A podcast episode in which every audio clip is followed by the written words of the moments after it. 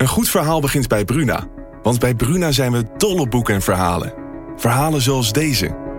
De slagen van de noodklok dreunen over het dorp. Zwaar en dreigend. Ze overstemmen de gemoedelijke drukte op de markt. En alle handelingen vallen stil. Wat zou er aan de hand zijn? vraagt Oda ongerust. Wil jij weten hoe dit afloopt? Je leest het in Bloedlijn van Simone van der Vlucht. Nu bij Bruna.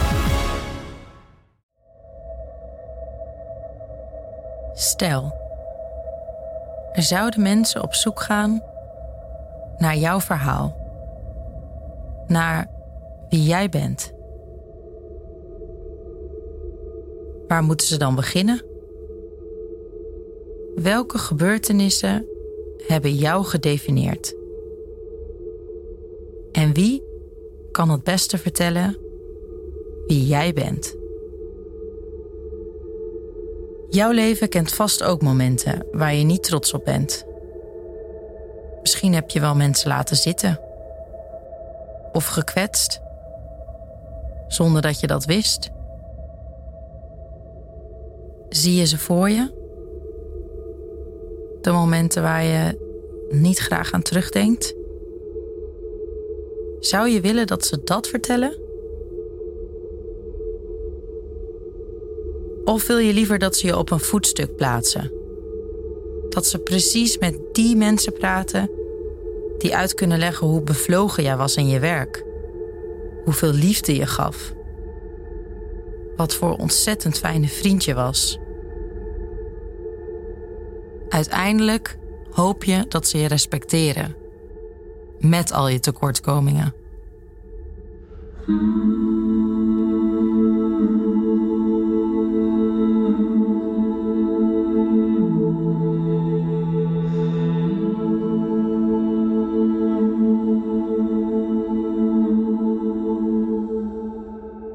Door te vertellen over jouw leven kan er bij de ander iets ontstaan wat er nog niet was. Iets van herkenning, een bepaalde gedachte, of misschien zelfs een grote levensvraag. Dit verhaal is niet alleen een verhaal dat over het verleden gaat, maar juist ook over nu. En misschien ook wel een beetje over jou. En over mij maar vooral over Hem. Over hoogmoed en de onvermijdelijke val. Over steeds maar meer willen en misschien met niets achterblijven.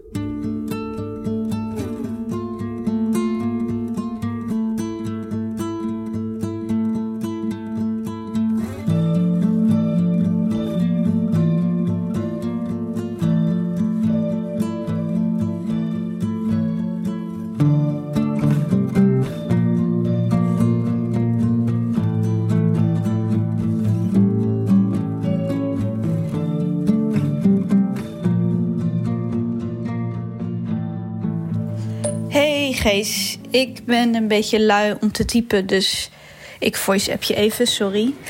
Ehm, maar ik heb een beetje zitten googelen. En ik heb ook dat boek gelezen wat jij van je vader hebt gekregen, de zaak Koistra. Dat is echt een heel interessant boek trouwens. Daarin uh, staat precies uitgelegd hoeveel horecazaken Sjoerd had. Uh, hoe hij zijn imperium heeft opgebouwd. En ook hoe dat conflict met Heineken is ontstaan. Dat vind ik trouwens nog wel echt een beetje ingewikkeld. Dat heb ik echt drie keer moeten lezen. En ik snap het nog niet helemaal. Maar goed, dat is iets voor later. Want wat ik daar ook las in het boek, en ik weet niet of jij dit al wist, uh, maar die journalisten die het geschreven hebben, die hebben het laatste interview ooit met uh, Sjoerd Koistra gehad. Twee weken voor zijn dood was dat. Dus ik dacht, moeten we niet gewoon hun bellen en vragen of ze met ons zouden willen afspreken? Uh, zij heten Henk Willem Smits en Joost van Kleef. En die Henk Willem, ik zag dat hij uh, op Facebook vrienden is met Wendy. Je weet wel, Wendy van de radioring. Ik kan haar vragen of uh, zij zijn nummer heeft. Oké, bye. Oh ja, um, en waar ik ook wel benieuwd naar ben en tegelijkertijd ook een beetje bang voor, uh, is Sjoerd zijn villa in Ubbergen. Dat is uh, vlakbij Nijmegen. En ik dacht, misschien is het wel mooi om daar eens heen te rijden. Zullen we dat doen? Hier hou ik niet van. Nee, het is ook zo krap hier. Kan ik ook draaien hier? Nou ja, je kan... Ja, even hier, hè? Ja? ja? ik durf dat nee, gewoon ik niet. snap het. Echt heel hobbelig. Doe dat hier. Oh ja. Ik zet hier een ding... Oh. Oh, Ja, dit voelt... korte. Oh nee, ja. Ik, nou, ik... Ja, Ja, ik snap oh, het. wat erg. Wat erg. Het is een krap, heuvelachtig. Jongen, maar het is echt... Ik kan me ook voorstellen dat wij nu hier rijden en dat mensen zeg maar denken. eh, Wat doen zij Wat hier? doen zij hier? Ja. Ik ken deze auto niet. Eh, Dat denk ik ook. Want hier komt verder niemand. Nee. Weten ze ook wie er nu in dat huis woont? Nee, zal ik dat eens opzoeken? Ja, ik kan benieuwd naar. Volgens mij, want wacht, eh 150 meter naar links. Oh ja. 100 meter. Hier. Ja. Villa Roosendal in Uberg.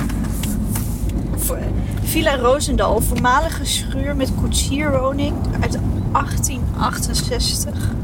Oh, wauw. Zo oud ook.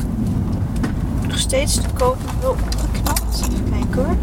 Nog steeds te koop. Nou, dit is wel een oud artikel. Kijk, hier is de vijver. No way. Nou, dit is echt sprookjesachtig. oh, Met de dit is- sneeuw. Welk nummer is het?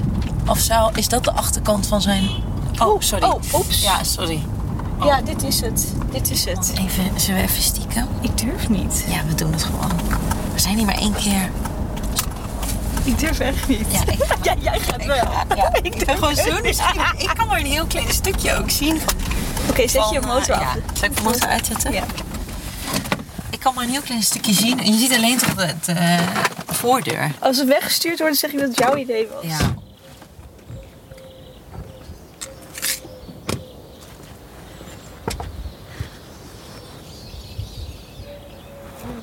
Hallo. Goedemorgen. Ik, ehm, ik eh, ben echt onder de indruk van dit huis. Geen pakketten bij buren afleveren, SVP. Ja, er wonen hier Oh, ik dus zie wel iemand lopen volgens mij.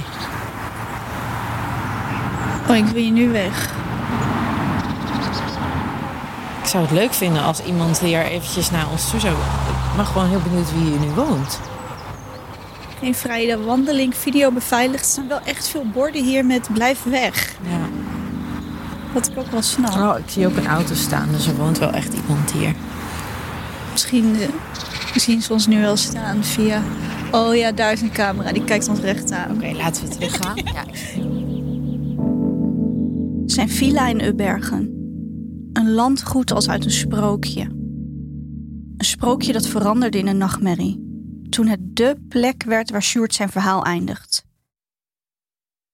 Vlak voor dat einde gaf hij nog een interview aan de twee journalisten Joost van Kleef en Henk Willem Smits.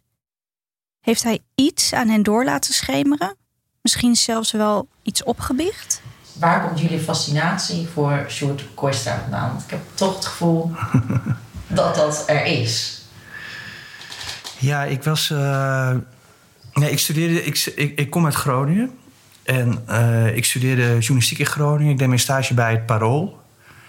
En eh, voor de economieredactie. En daarna ben ik daar blijven freelancen. En eh, mijn eerste jaren na de studie woonde ik nog in Groningen. En op een bepaald moment belde het Parool mij op. Want er was gesodemieter met Sjoerd. Volgens mij, ik denk de Oesterbar. Maar dat weet ik niet zeker meer. Of het was Keizer aan het Museumplein. Er was iets in ieder geval. En eh, er ging al wel geruchten van eh, dat Kooistra doet dat met opzet, al die faillissementen. En er klopt iets niet. Alleen eh, bij het parool kregen ze niet echt de vinger erachter. En toen belden ze mij. En toen vroegen ze van, kun jij niet eens in Groningen rond gaan vragen van... wat er nou aan de hand is. En ik zei, ja, dat kan ik wel, want hij was natuurlijk heel groot in Groningen. Dus ik had al vrij snel mensen gevonden die voor hem hadden gewerkt. En eh, die zeiden van, ja, hij heeft inderdaad de hele tijd van die pachters komen binnen, die gaan failliet en dan worden ze vervangen door een andere pachter. En eh, ja, dat is toch wel merkwaardig. En uh, toen vroeg ik ook nog Sjoerd om een reactie. Dus ik belde naar het kantoor. Ik kreeg volgens mij een Grietje aan de lijn, zijn, zijn nicht. En die zou doorgeven aan Sjoerd. En Sjoerd belde op en die zei, nou, kom, kom langs. En dat was eigenlijk mijn eerste ontmoeting met hem. Wat voor indruk maakte hij op jou toen je hem voor het eerst ontmoette? Want je hebt een bepaald beeld, neem ik aan, nadat je al die dingen hebt gehoord en opgeschreven. Ja, het was wel een vreemde man. Dat merkte hij al wel uh, meteen. Heel monomaan. Uh, hij beantwoordde, dus niet iemand die vragen beantwoordde. Vertelde altijd helemaal zijn eigen verhaal. Dus heel anders dan, dan veel anderen. Ja, heel erg in de aanval altijd. En, uh, ook wel Gronings misschien, ja, gelijkhebberig. En, uh, ja, nee, hij was wel iemand die, uh, die, die, die het verschil maakte. Ja. Stand out of the crowd. Maar Joost, jij hebt hem dus voor het eerst ontmoet eigenlijk twee weken voor zijn dood. Ja, een paar weken voor zijn dood. We ja. hadden het laatste interview met Soort Koors. Nou, ik uh, kende hem toen alleen maar van naam. Ik had hem nog nooit gesproken. Ik had hem ook nog nooit gezien, alleen maar op een paar foto's. En wij werkten toen bij Quote en we waren bezig met het maken van de Quote 500. En uh, Korstra was al enige tijd in het nieuws met rechtszaken. En um, hij zou sommige rekeningen niet meer betalen. En dat liep steeds meer op. Henk heeft toen, ik zeg het nu even zoals ik het me herinner. Jij hebt toen Korstra een paar keer gebeld om te vragen hoe het nou zat. Onze hoofdredacteur, die had gehoord in het Amsterdamse circuit van Heineken is klaar met hem. Volgens mij heb jij Korstra toen een paar keer gebeld op de redactie en hadden jullie verbaal. Hij zei nee en jij zei ja. Dat waren van die eindeloze spelletjes. Ja. Hij zei, Korstra, je hebt verloren. En Sjoerd zei, ik heb helemaal niet verloren. En het ging dan in het Gronings. En dan zat die halve redactie zo te kijken. En, noem eens wat in het Gronings. Ja, dat weet ik niet, man. Ja, zo, dat, uh, dat geknauw. Ja. En daar werd er ook gezegd, nou, er moet iemand mee voor Hè? Om, om dat een beetje in goede baan te leiden. Want we hebben twee Groningers hier, anders gaan ze misschien elkaar nog te lijf. Ik had je al wel een beetje geprept, denk ik, van dit is een figuur. maar wat was jouw eerste indruk toen? Uh, wat was mijn eerste indruk? Ik, ik vond Sjoerd Korstra wel zenuwachtig. Hij zag er slecht uit. Wij waren daar in ieder geval op een... Het was in Ubbergen. Ja, in zijn, het was vrij warm. In zijn villa. Mm, en je moest bij dat huis aanbellen bij een heel groot hek. En daarna moest je echt nog twee, drie minuten over zo'n grindpad lopen. En dan zag je in de verte zo'n hele mooie villa oprijzen. En daar in de deuropening stond een, uh, stond een gestalte. En dat bleek Sjoerd Korstra te zijn. Het was een beetje een raar gezicht, want alle jaloezieën of alle zonneschermen hingen uit. Maar het regende, dus dat werd allemaal zeiknat. En hij zag er... Hij droeg pantoffels en hij zag er slecht uit. Vond ik echt. En um, het verhaal ging toen, of het gerucht was, dat hij was overvallen op Ibiza of hij had een blinde darmontsteking gehad. Dat was één van de twee. Het werd tijdens het interview trouwens ook niet echt duidelijk wat het nou, uh, wat het nou was. De eerste en meteen de laatste ontmoeting met Sjoerd was voor Joost van Kleef dus één om niet snel te vergeten. We zijn nieuwsgierig naar de man achter de verhalen. Hij is er niet meer, maar we willen weten wie hij nou echt was. Welke verhalen over hem zijn waar? Waarom heeft hij ervoor gekozen om een einde te maken aan zijn leven? En wie is hij als hij de voordeur van zijn villa in Ubbergen achter zich dichttrekt? In de interviews die we tegenkomen tijdens onze zoektocht naar Sjoerd zegt hij keer op keer hetzelfde. De gesprekken zijn oppervlakkig en gaan meestal over zijn horecapanden en zijn bijzondere manier van zaken doen. Na heel veel zoeken komen we erachter dat er in 2004 een korte documentaire over hem is gemaakt. Door de KRO. En hier laat Sjoerd eindelijk een persoonlijke kant van zichzelf zien. En dan gaat deze deur met een speciale code gaat dicht. Dus zo zit ik s'avonds eigenlijk in mijn huisje, zit ik eigenlijk, dit noem ik mijn eigen kluisje. Je hebt je eigen bunker. Ja, bunker noemen we maar theoretisch kan hier niemand binnenkomen. Als ik alleen ben, dan uh, trek ik me eigenlijk terug hier in mijn slaapkamer. Dan uh, neem ik meestal werk mee, neem ik meestal spullen mee om te schrijven. Ligt altijd in een telmachientje, de, de, de, met pennen. Dus meestal, uh, stel ik kom thuis s'avonds 8 uur, 9 uur, ga ik toch naar boven, neem ik een douche, ga ik lekker op bed, ga ik televisie kijken. En mijn lievelingsvideo is eigenlijk de Sound of Music. Die draai ik heel vaak en stukjes draai, die kan ik helemaal dromen. Dat vind ik fantastisch. En dan zing je ook mee? Ik zing niet mee, maar ik neur hier wel een beetje mee. Vind ik, dat is echt een stukje ontspanning voor mij. Dan, als er soms helemaal niks op de televisie is, dan pak ik de video en die, die heb ik dan helemaal grijs gedraaid. Vind ik heerlijk.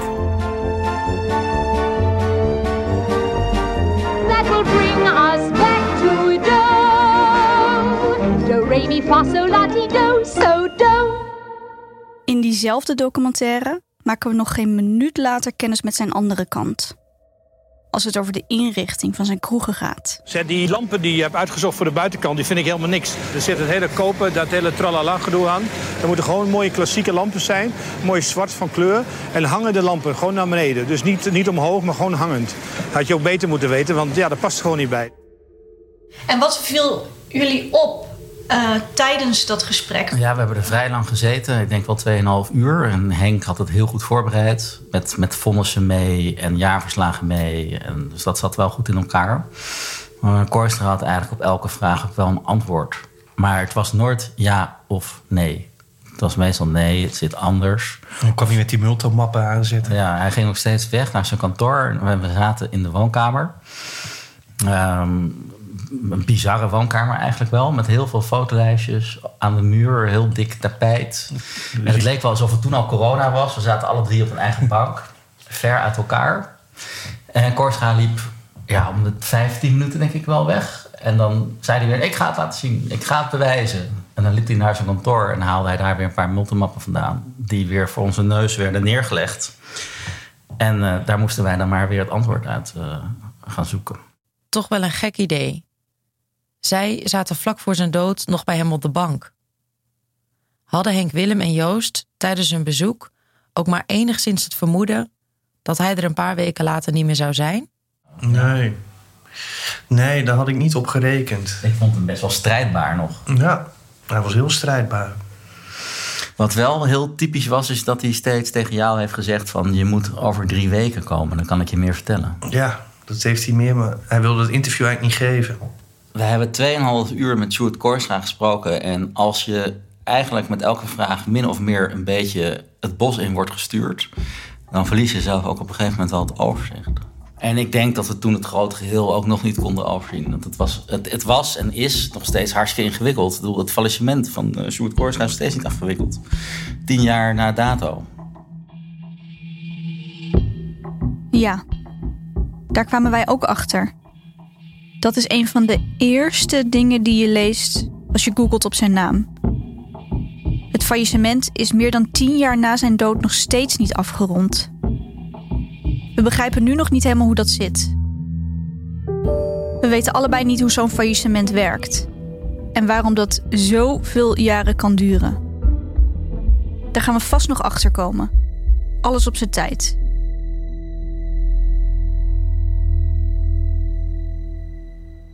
We moeten beginnen bij het begin. Eerst willen we weten hoe dat precies in zijn werk ging met al zijn kroegen en cafés. Hoe hij zaken deed. Want zijn manier van zaken doen, daar is hij zo bekend mee geworden. Ja, wat Koorstra op een bepaald moment ontdekte was, uh, was het pachten. Pachten, dat, dat stamt eigenlijk van, uh, uit de landbouw. Dat betekent vruchtgebruik. Dus je huurt land van de landeigenaar. En als je daar aardappels op verbouwt, zijn die aardappels van jou. dus het land is niet van jou, maar wat je doet met het land, de opbrengst van het land is wel van jou. Dat is als je iets pacht. Hij, uh, hij heeft dat niet geïntroduceerd, denk ik, in de horeca. Dat, dat, zal die, dat zullen anderen ook wel hebben gedaan. Maar hij, hij is de, degene die dat groot is gaan aanpakken. Hij ging elke kroeg apart verhuren aan een pachter in een aparte BV. De pacht die je vroeg was eigenlijk te hoog. Ja, hij vroeg bedragen oplopend tot, tot 33% van de bruto omzet. Nou, dat zijn enorme bedragen. Hè. Bruto omzet is ook iets wat je altijd hebt. Ook als je verlies draait, heb je wel omzet. Want je koopt bier in en misschien verkoop je te weinig bier en maak je verlies, maar je hebt nog steeds die omzet. Daar pakt hij 33% van, elke week. Ja, en als dan eh, een bepaald moment de, de Belastingdienst bijvoorbeeld... die komt pas na een jaar, anderhalf jaar. Dus kijken waar hun geld blijft. Nou, en als daar geen geld meer voor was... dan liet de Belastingdienst dus de, de, de, de pachter failliet gaan. De BV van de pachter, die ging failliet. En eh, de kroeg bleef van Sjoerd. En Sjoerd regelde dan heel snel een nieuwe pachter... met een nieuwe BV. En daar verhuurde hij het dan aan, want de oude was failliet immers. Dat is niet illegaal, deze manier van zaken doen. Zoals Kooistra het zelf eh, een keertje treffend omschreven als... eh, ik werk binnen de mazen van de wet. Ja, je moet soms emotieloos beslissingen nemen. En eh, tuurlijk wordt er over mij gesproken. Dat zegt die Kooister die is hard, die is meedogenloos. Ik zeg van mezelf, ik ben niet hard. Als ik iets verpacht en ik moet mijn geld hebben, vraag ik om mijn eigen geld. Als ik iets moet betalen, moet ik ook iets betalen. En wat is dan hard als je om je eigen geld vraagt? Heb je een hypotheek bij de bank en je betaalt niet, zet de bank je eruit. Alleen bij de bank duurt het langer en bij mij gaat het sneller. Waarom deed hij zaken op die manier? Ja, Heb je daar een idee bij? nee, dat is een hele goede vraag. Volgens mij was het Martin eh Nijdam die zei van... eh, als Sjoerd zonder problemen een euro kon verdienen... en met heel veel problemen 1 euro en 5 cent... dan ging hij voor die 1 euro en 5 cent. Martin Nijdam. Wie is dat precies? Zijn naam hebben we al vaker in artikelen over Sjoerd voorbij zien komen. Hij wordt omschreven als de rechterhand van Sjoerd. Zijn pitbull. De puinruimer van het Kooistra-imperium. Maar ook zijn vertrouwenspersoon. Martin Nijdam kent waarschijnlijk de goede en de slechte kanten van Sjoerd. Als we Henk Willem en Joost moeten geloven, is Martin ook een van de weinigen die Sjoerd waarschuwde. Toen het niet goed meer ging met zijn bedrijf, Plasania BV. Het bedrijf waar al zijn horecazaken onder vallen. Het kantelpunt ontstond rond 2008. De economische crisis en het rookverbod richtten veel schade aan. Vooral bij de zaken van Sjoerd. Want hij had zo'n hekel aan roken dat hij weigerde om rookruimtes te laten bouwen in zijn kroegen. Dan was er ook nog een conflict met Heineken. Henk Willem zei het eerder al. Heineken was klaar met hem. De grootste horecamagnaat en de grootste bierbrouwerij van Nederland zouden toch juist dikke vrienden moeten zijn? Iemand die zich jaren geleden heeft vastgebeten in de samenwerking tussen Heineken en Sjoerd Kooistra is Tom Kreling. Hij is journalist bij de Volkskrant. De kern van de hele kwestie bij Sjoerd Kooistra is altijd dat hij het, zijn horecazaken zo probeerde in te richten dat hij eigenlijk het risico naar iemand anders verplaatste. Nou had hij met Heineken op een gegeven moment een, een afspraak gemaakt waarbij Heineken eigenlijk tussen hem en de pachter in ging zitten. En dat deden ze omdat Heineken dan gegarandeerd wist dat al hun bier en al hun dranken in de cafés van Kooistra eh, verkocht zouden worden. En die verplichting die mag je alleen opleggen als je als eh, bierbrouwer eh, verhuurder van het pand bent. Dus wat deed Kooistra nou? Hij verhuurde zijn cafés niet aan die pachters, maar hij verhuurde ze eerst aan Heineken. En Heineken verhuurde ze dan door aan de pachters van Kooistra. Dus daarmee lag het risico eh, bij de pachter. Die moest de huur betalen aan Heineken. En Heineken betaalde de huur aan Kooistra. Nou, voor Kooistra was dat natuurlijk een gouden deal. Want hij wist zeker dat hij zijn huur kreeg eh, van eh, Heineken. En Heineken moest vervolgens bij de pachter langs om daar de huur te krijgen. Daarmee had hij het risico dus verplaatst. En nou hadden ze altijd een afspraak dat eh Kooistra garant stond voor die pachters. Dus als die pachters dan niet de huur aan Heineken konden betalen, dan betaalde Kooistra dat. Dat was de afspraak. Dus dat was een soort bouwwerk wat ze gecreëerd hadden, waarbij iedereen blij was. Ja, dus, Dus, zo, tot eh, zover klinkt het ook gewoon wel van... nou, een hele goede, stabiele eh, afspraak. Ja, iedereen was blij. Het was gewoon een soort kaartenhuis wat ze samen hadden gebouwd, waarbij iedereen een voordeel had. Nou, en eh, op een gegeven moment kregen ze in eh, 2009 hadden ze wat ruzie en moesten opnieuw naar de contracten worden gekeken. En, en daar deed Kooistra eigenlijk een trucje wat hij permanent probeerde bij iedereen met wie die zaken deed. Namelijk het onderste uit de kan halen. Kijken of hij een leuke juridisch handigheidje kon uithalen. Een voetje waarbij hij er nog beter vanaf kwam, et cetera. Wat had hij nou gedaan? Ze hadden een nieuw contract. En in dat contract was vervallen eh, de garantie dat hij borg stond voor het geld wat de pachters aan Heineken moesten betalen. Dus eh, normaal was het zo dat de pachters betaalden de huur aan Heineken. Heineken betaalde de huur aan Kooistra. En als de pachters niet konden betalen, dan betaalde Kooistra eh, voor de pachters. Want hadden ze gezegd, ja, dat is eigenlijk één, één geheel. Hè. Die pachters, dat, doet Kooistra al jarenlang zaken mee. Dat, is, dat moet je eigenlijk zien als het, het conglomeraat van Kooistra. In die nieuwe contractonderhandelingen had Kooistra dat eruit weten te krijgen. Hij kreeg wel betaald van, van Heineken. Maar Heineken moest maar zien of ze hun geld bij de pachters konden halen. Maar hoe heeft hij Dus hij dat liep eruit? in nul risico. Ja, dat is, ik heb dat allemaal na zitten zoeken hoe dat nou kan. Ik weet het tot op de dag van vandaag niet hoe die bepaling uit het contract is verdwenen. En eh, wat Kooistra zelf toen in die tijd tegen me zei, was dat ze niet hadden opgelet. En dat hij dat eh, nou ja, op die manier eruit had gekregen. En eh, nou, wat er vervolgens gebeurde was. Dat inderdaad omzet daalde, economie ging niet zo goed. Dus die pachters hadden moeite om hun huur te betalen. Dus die betaalden op een gegeven moment niet aan Heineken. Nou, wat deed Heineken? Die zei tegen Kooistra dit doen we al jaren zo. De pachters hebben het een beetje moeilijk. Kun jij even afrekenen? En toen zei Kooistra, ja, misschien moeten jullie nog eens even goed naar die contracten kijken. Maar ik heb helemaal niks met die pachters te maken. Zoek het maar uit. Ik weet nog dat Kooistra eh, een aantal weken voor zijn dood mij die contracten liet zien... waarin die bepaling met Heineken verdwenen was. En hij vond dat echt fantastisch. Daar was hij echt, echt trots op. Omdat hij vond, kijk eens, ik heb ze hier gewoon zakelijk tuk. Ik heb ze hier eh, een, een, een juridische loer gedraaid. En dat, dat vond hij geweldig. Hij wist niet op dat moment dat dat zijn ondergang zou gaan worden. Want hij dacht gewoon, ja, het staat op papier. Het is juridisch eh, afgetimmerd. Ik heb gelijk, dus ik ga dat krijgen. Maar het grote probleem was dat hij eigenlijk hier een te grote tegenstander koos. Heineken, hè, die, dat is natuurlijk een, miljardenbedrijf. En die dacht, ja, prima dat meneer Kooistra tegen ons wil opnemen. Maar dat gaat hij niet winnen. Dus ze hebben hem toen eh, vervolgens met allerlei procedures... hebben zo onder druk gezet en financieel zo klem gezet... Ja, dat dat hele kaartenhuis van Kooistra in elkaar donderde. En het begin van het conflict tussen Heineken en Kooistra is dus ontstaan door die contractwijziging waar Kooistra eruit wist te halen dat hij garant stond. Dat is het begin. Ja, ja daar, kwam het, daar kwam het op neer. Ja.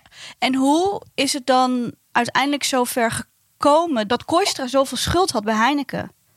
Nou, kijk, ze hadden, ze hadden natuurlijk over en weer was een, een, een verhouding. Ze waren eigenlijk afhankelijk van elkaar. Hè? Want iedereen schilderde altijd Kooistra als, als de boeman en de, de, de zakenman die allerlei rare constructies had. Maar goed, Heineken had ook een heel groot belang om met hem zaken te doen. En hè, de manier waarop ze dit hadden vormgegeven, dat, dat Heineken van hem cafés huurde en die vervolgens doorverhuurde, dat was natuurlijk omdat Heineken daar ook een groot belang bij had. En eh, nou ja, nu had hij een handigheidje uitgehaald. Waarbij hij dus dacht: Heineken heeft het risico, ik niet. Eh, ze zoeken het maar uit. Maar tegelijkertijd had hij ook nog weer andere cafés. Eh, die, die bijvoorbeeld niet van hem waren, maar die hij huurde van Heineken. En hij had leningen bij Heineken lopen. En Heineken moest aan hem bijvoorbeeld bonuskortingen betalen voor, eh, voor het leveren van bier. Dus als hij een bepaalde hoeveelheid bier afnam, dan kreeg hij kreeg hij korting. En nou ja, dat, dat, dat waren echt fikse bedragen. En op het moment dat ze ruzie kregen over dit contract, ging Heineken gewoon dat soort dingen niet betalen. En die zeiden van, nou, jij krijgt van ons nog die, die korting, maar ja, die, die betalen we even niet, want wij krijgen nog huur van jou. En dan zei hij, nee, die krijg je niet van mij, maar van de pachters. En dan zei Heineken, ja, maar die pachters en jij, dat is één pot nat, twee handen op één buik. Je zorgt maar gewoon dat jij dat betaalt. Dat is wat ze deden. Dus ze hebben op die manier enorm financieel klem gezet, waardoor ja, waardoor die uiteindelijk ja, ten onder ging. Heeft, heeft Kooistra op het laatst nog geprobeerd om Heineken toch tegemoet te komen? Water bij de wijn te doen? Uh, hij heeft wel zijn contacten bij Heineken, brieven gestuurd.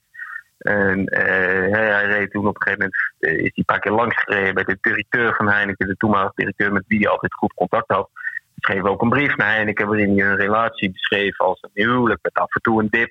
Maar hij zei uiteindelijk kwamen er altijd uit.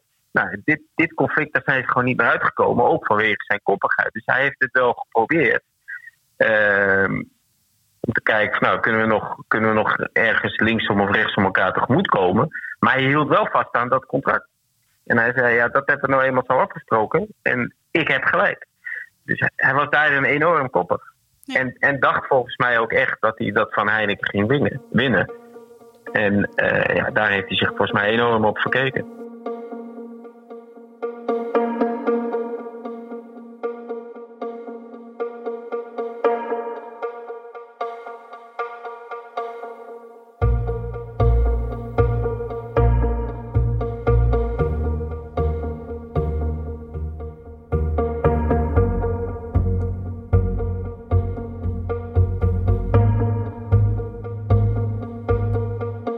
Wat voelt eh, voor jullie onopgelost? Waar zitten jullie nog het meest mee? Hebben jullie nog vraagtekens? Ehm, nou, er zijn wat rumoeren geweest dat er mensen langs waren ten tijde van het weekend dat Sjoerd Korstra zelfmoord Oh, pleegde. En er zijn sigarettenpeuken gevonden, terwijl Sjoerd niet rookte. Ehm, ja, dus er zijn waarschijnlijk nog mensen geweest. En ehm, wij hebben ook onbevestigde geruchten gehoord dat Sjoerd Korstra misschien zou worden afgeperst. En waar onder andere met Die Portugees. foto's. Wat voor foto's? Nou ja, eh, Ja, dat is dan een goede vraag. Want dat was wel met Sjoerd. Eh, wat je ziet bij Quote 500 mensen is... In de Quote 500 staat officieel, denk ik nu, nul homo's. Hè, wat, wat niet kan. Hè, Als je 500 mensen bij elkaar zit... dan moeten LHBTI-mensen tussen zitten. Maar als je die Quote 500 doorbladert... zul je er geen eh, vinden die dat openlijk is. Behalve Kooistra, dat was al. Dus dat maakt dat afpersverhaal nogal niet plausibel. Omdat hij Kooistra niet echt schaamte kende wat dat betreft. maar er is wel iemand die dat tegen ons heeft gezegd. Ehm, en ik zeg dat nu omdat het frappant is met die zogenaamde overval op Ibiza of die blinde darmontsteking. Eh, en het is nooit opgehemeld wat het nou precies was. Terwijl Sjoerd Korstra wel een litteken had, een vers litteken. Ehm, het kan ook zijn dat hij, dat hij wel bedreigd is. Maar het hoeft natuurlijk niet te betekenen dat hij daardoor ook zelfmoord heeft gepleegd. Een heleboel losse eindjes. Zelfs voor Henk Willem en Joost. Ook zij hebben vragen die onbeantwoord blijven. Ook voor hun is het verhaal van Sjoerd nog niet rond.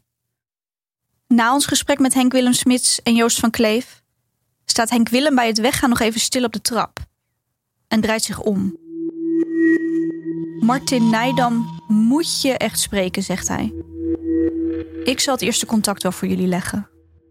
Want deze man weet alles over Sjoerd.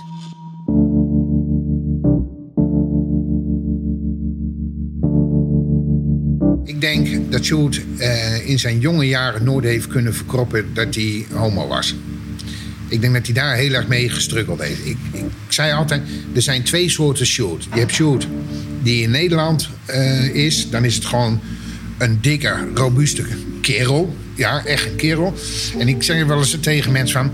En dan bracht ik hem naar Schiphol. En dan stapte hij uit de auto, pakte hij zijn koffertje... en dan ging dat kontje weer heen en weer. Zo zei ik het altijd.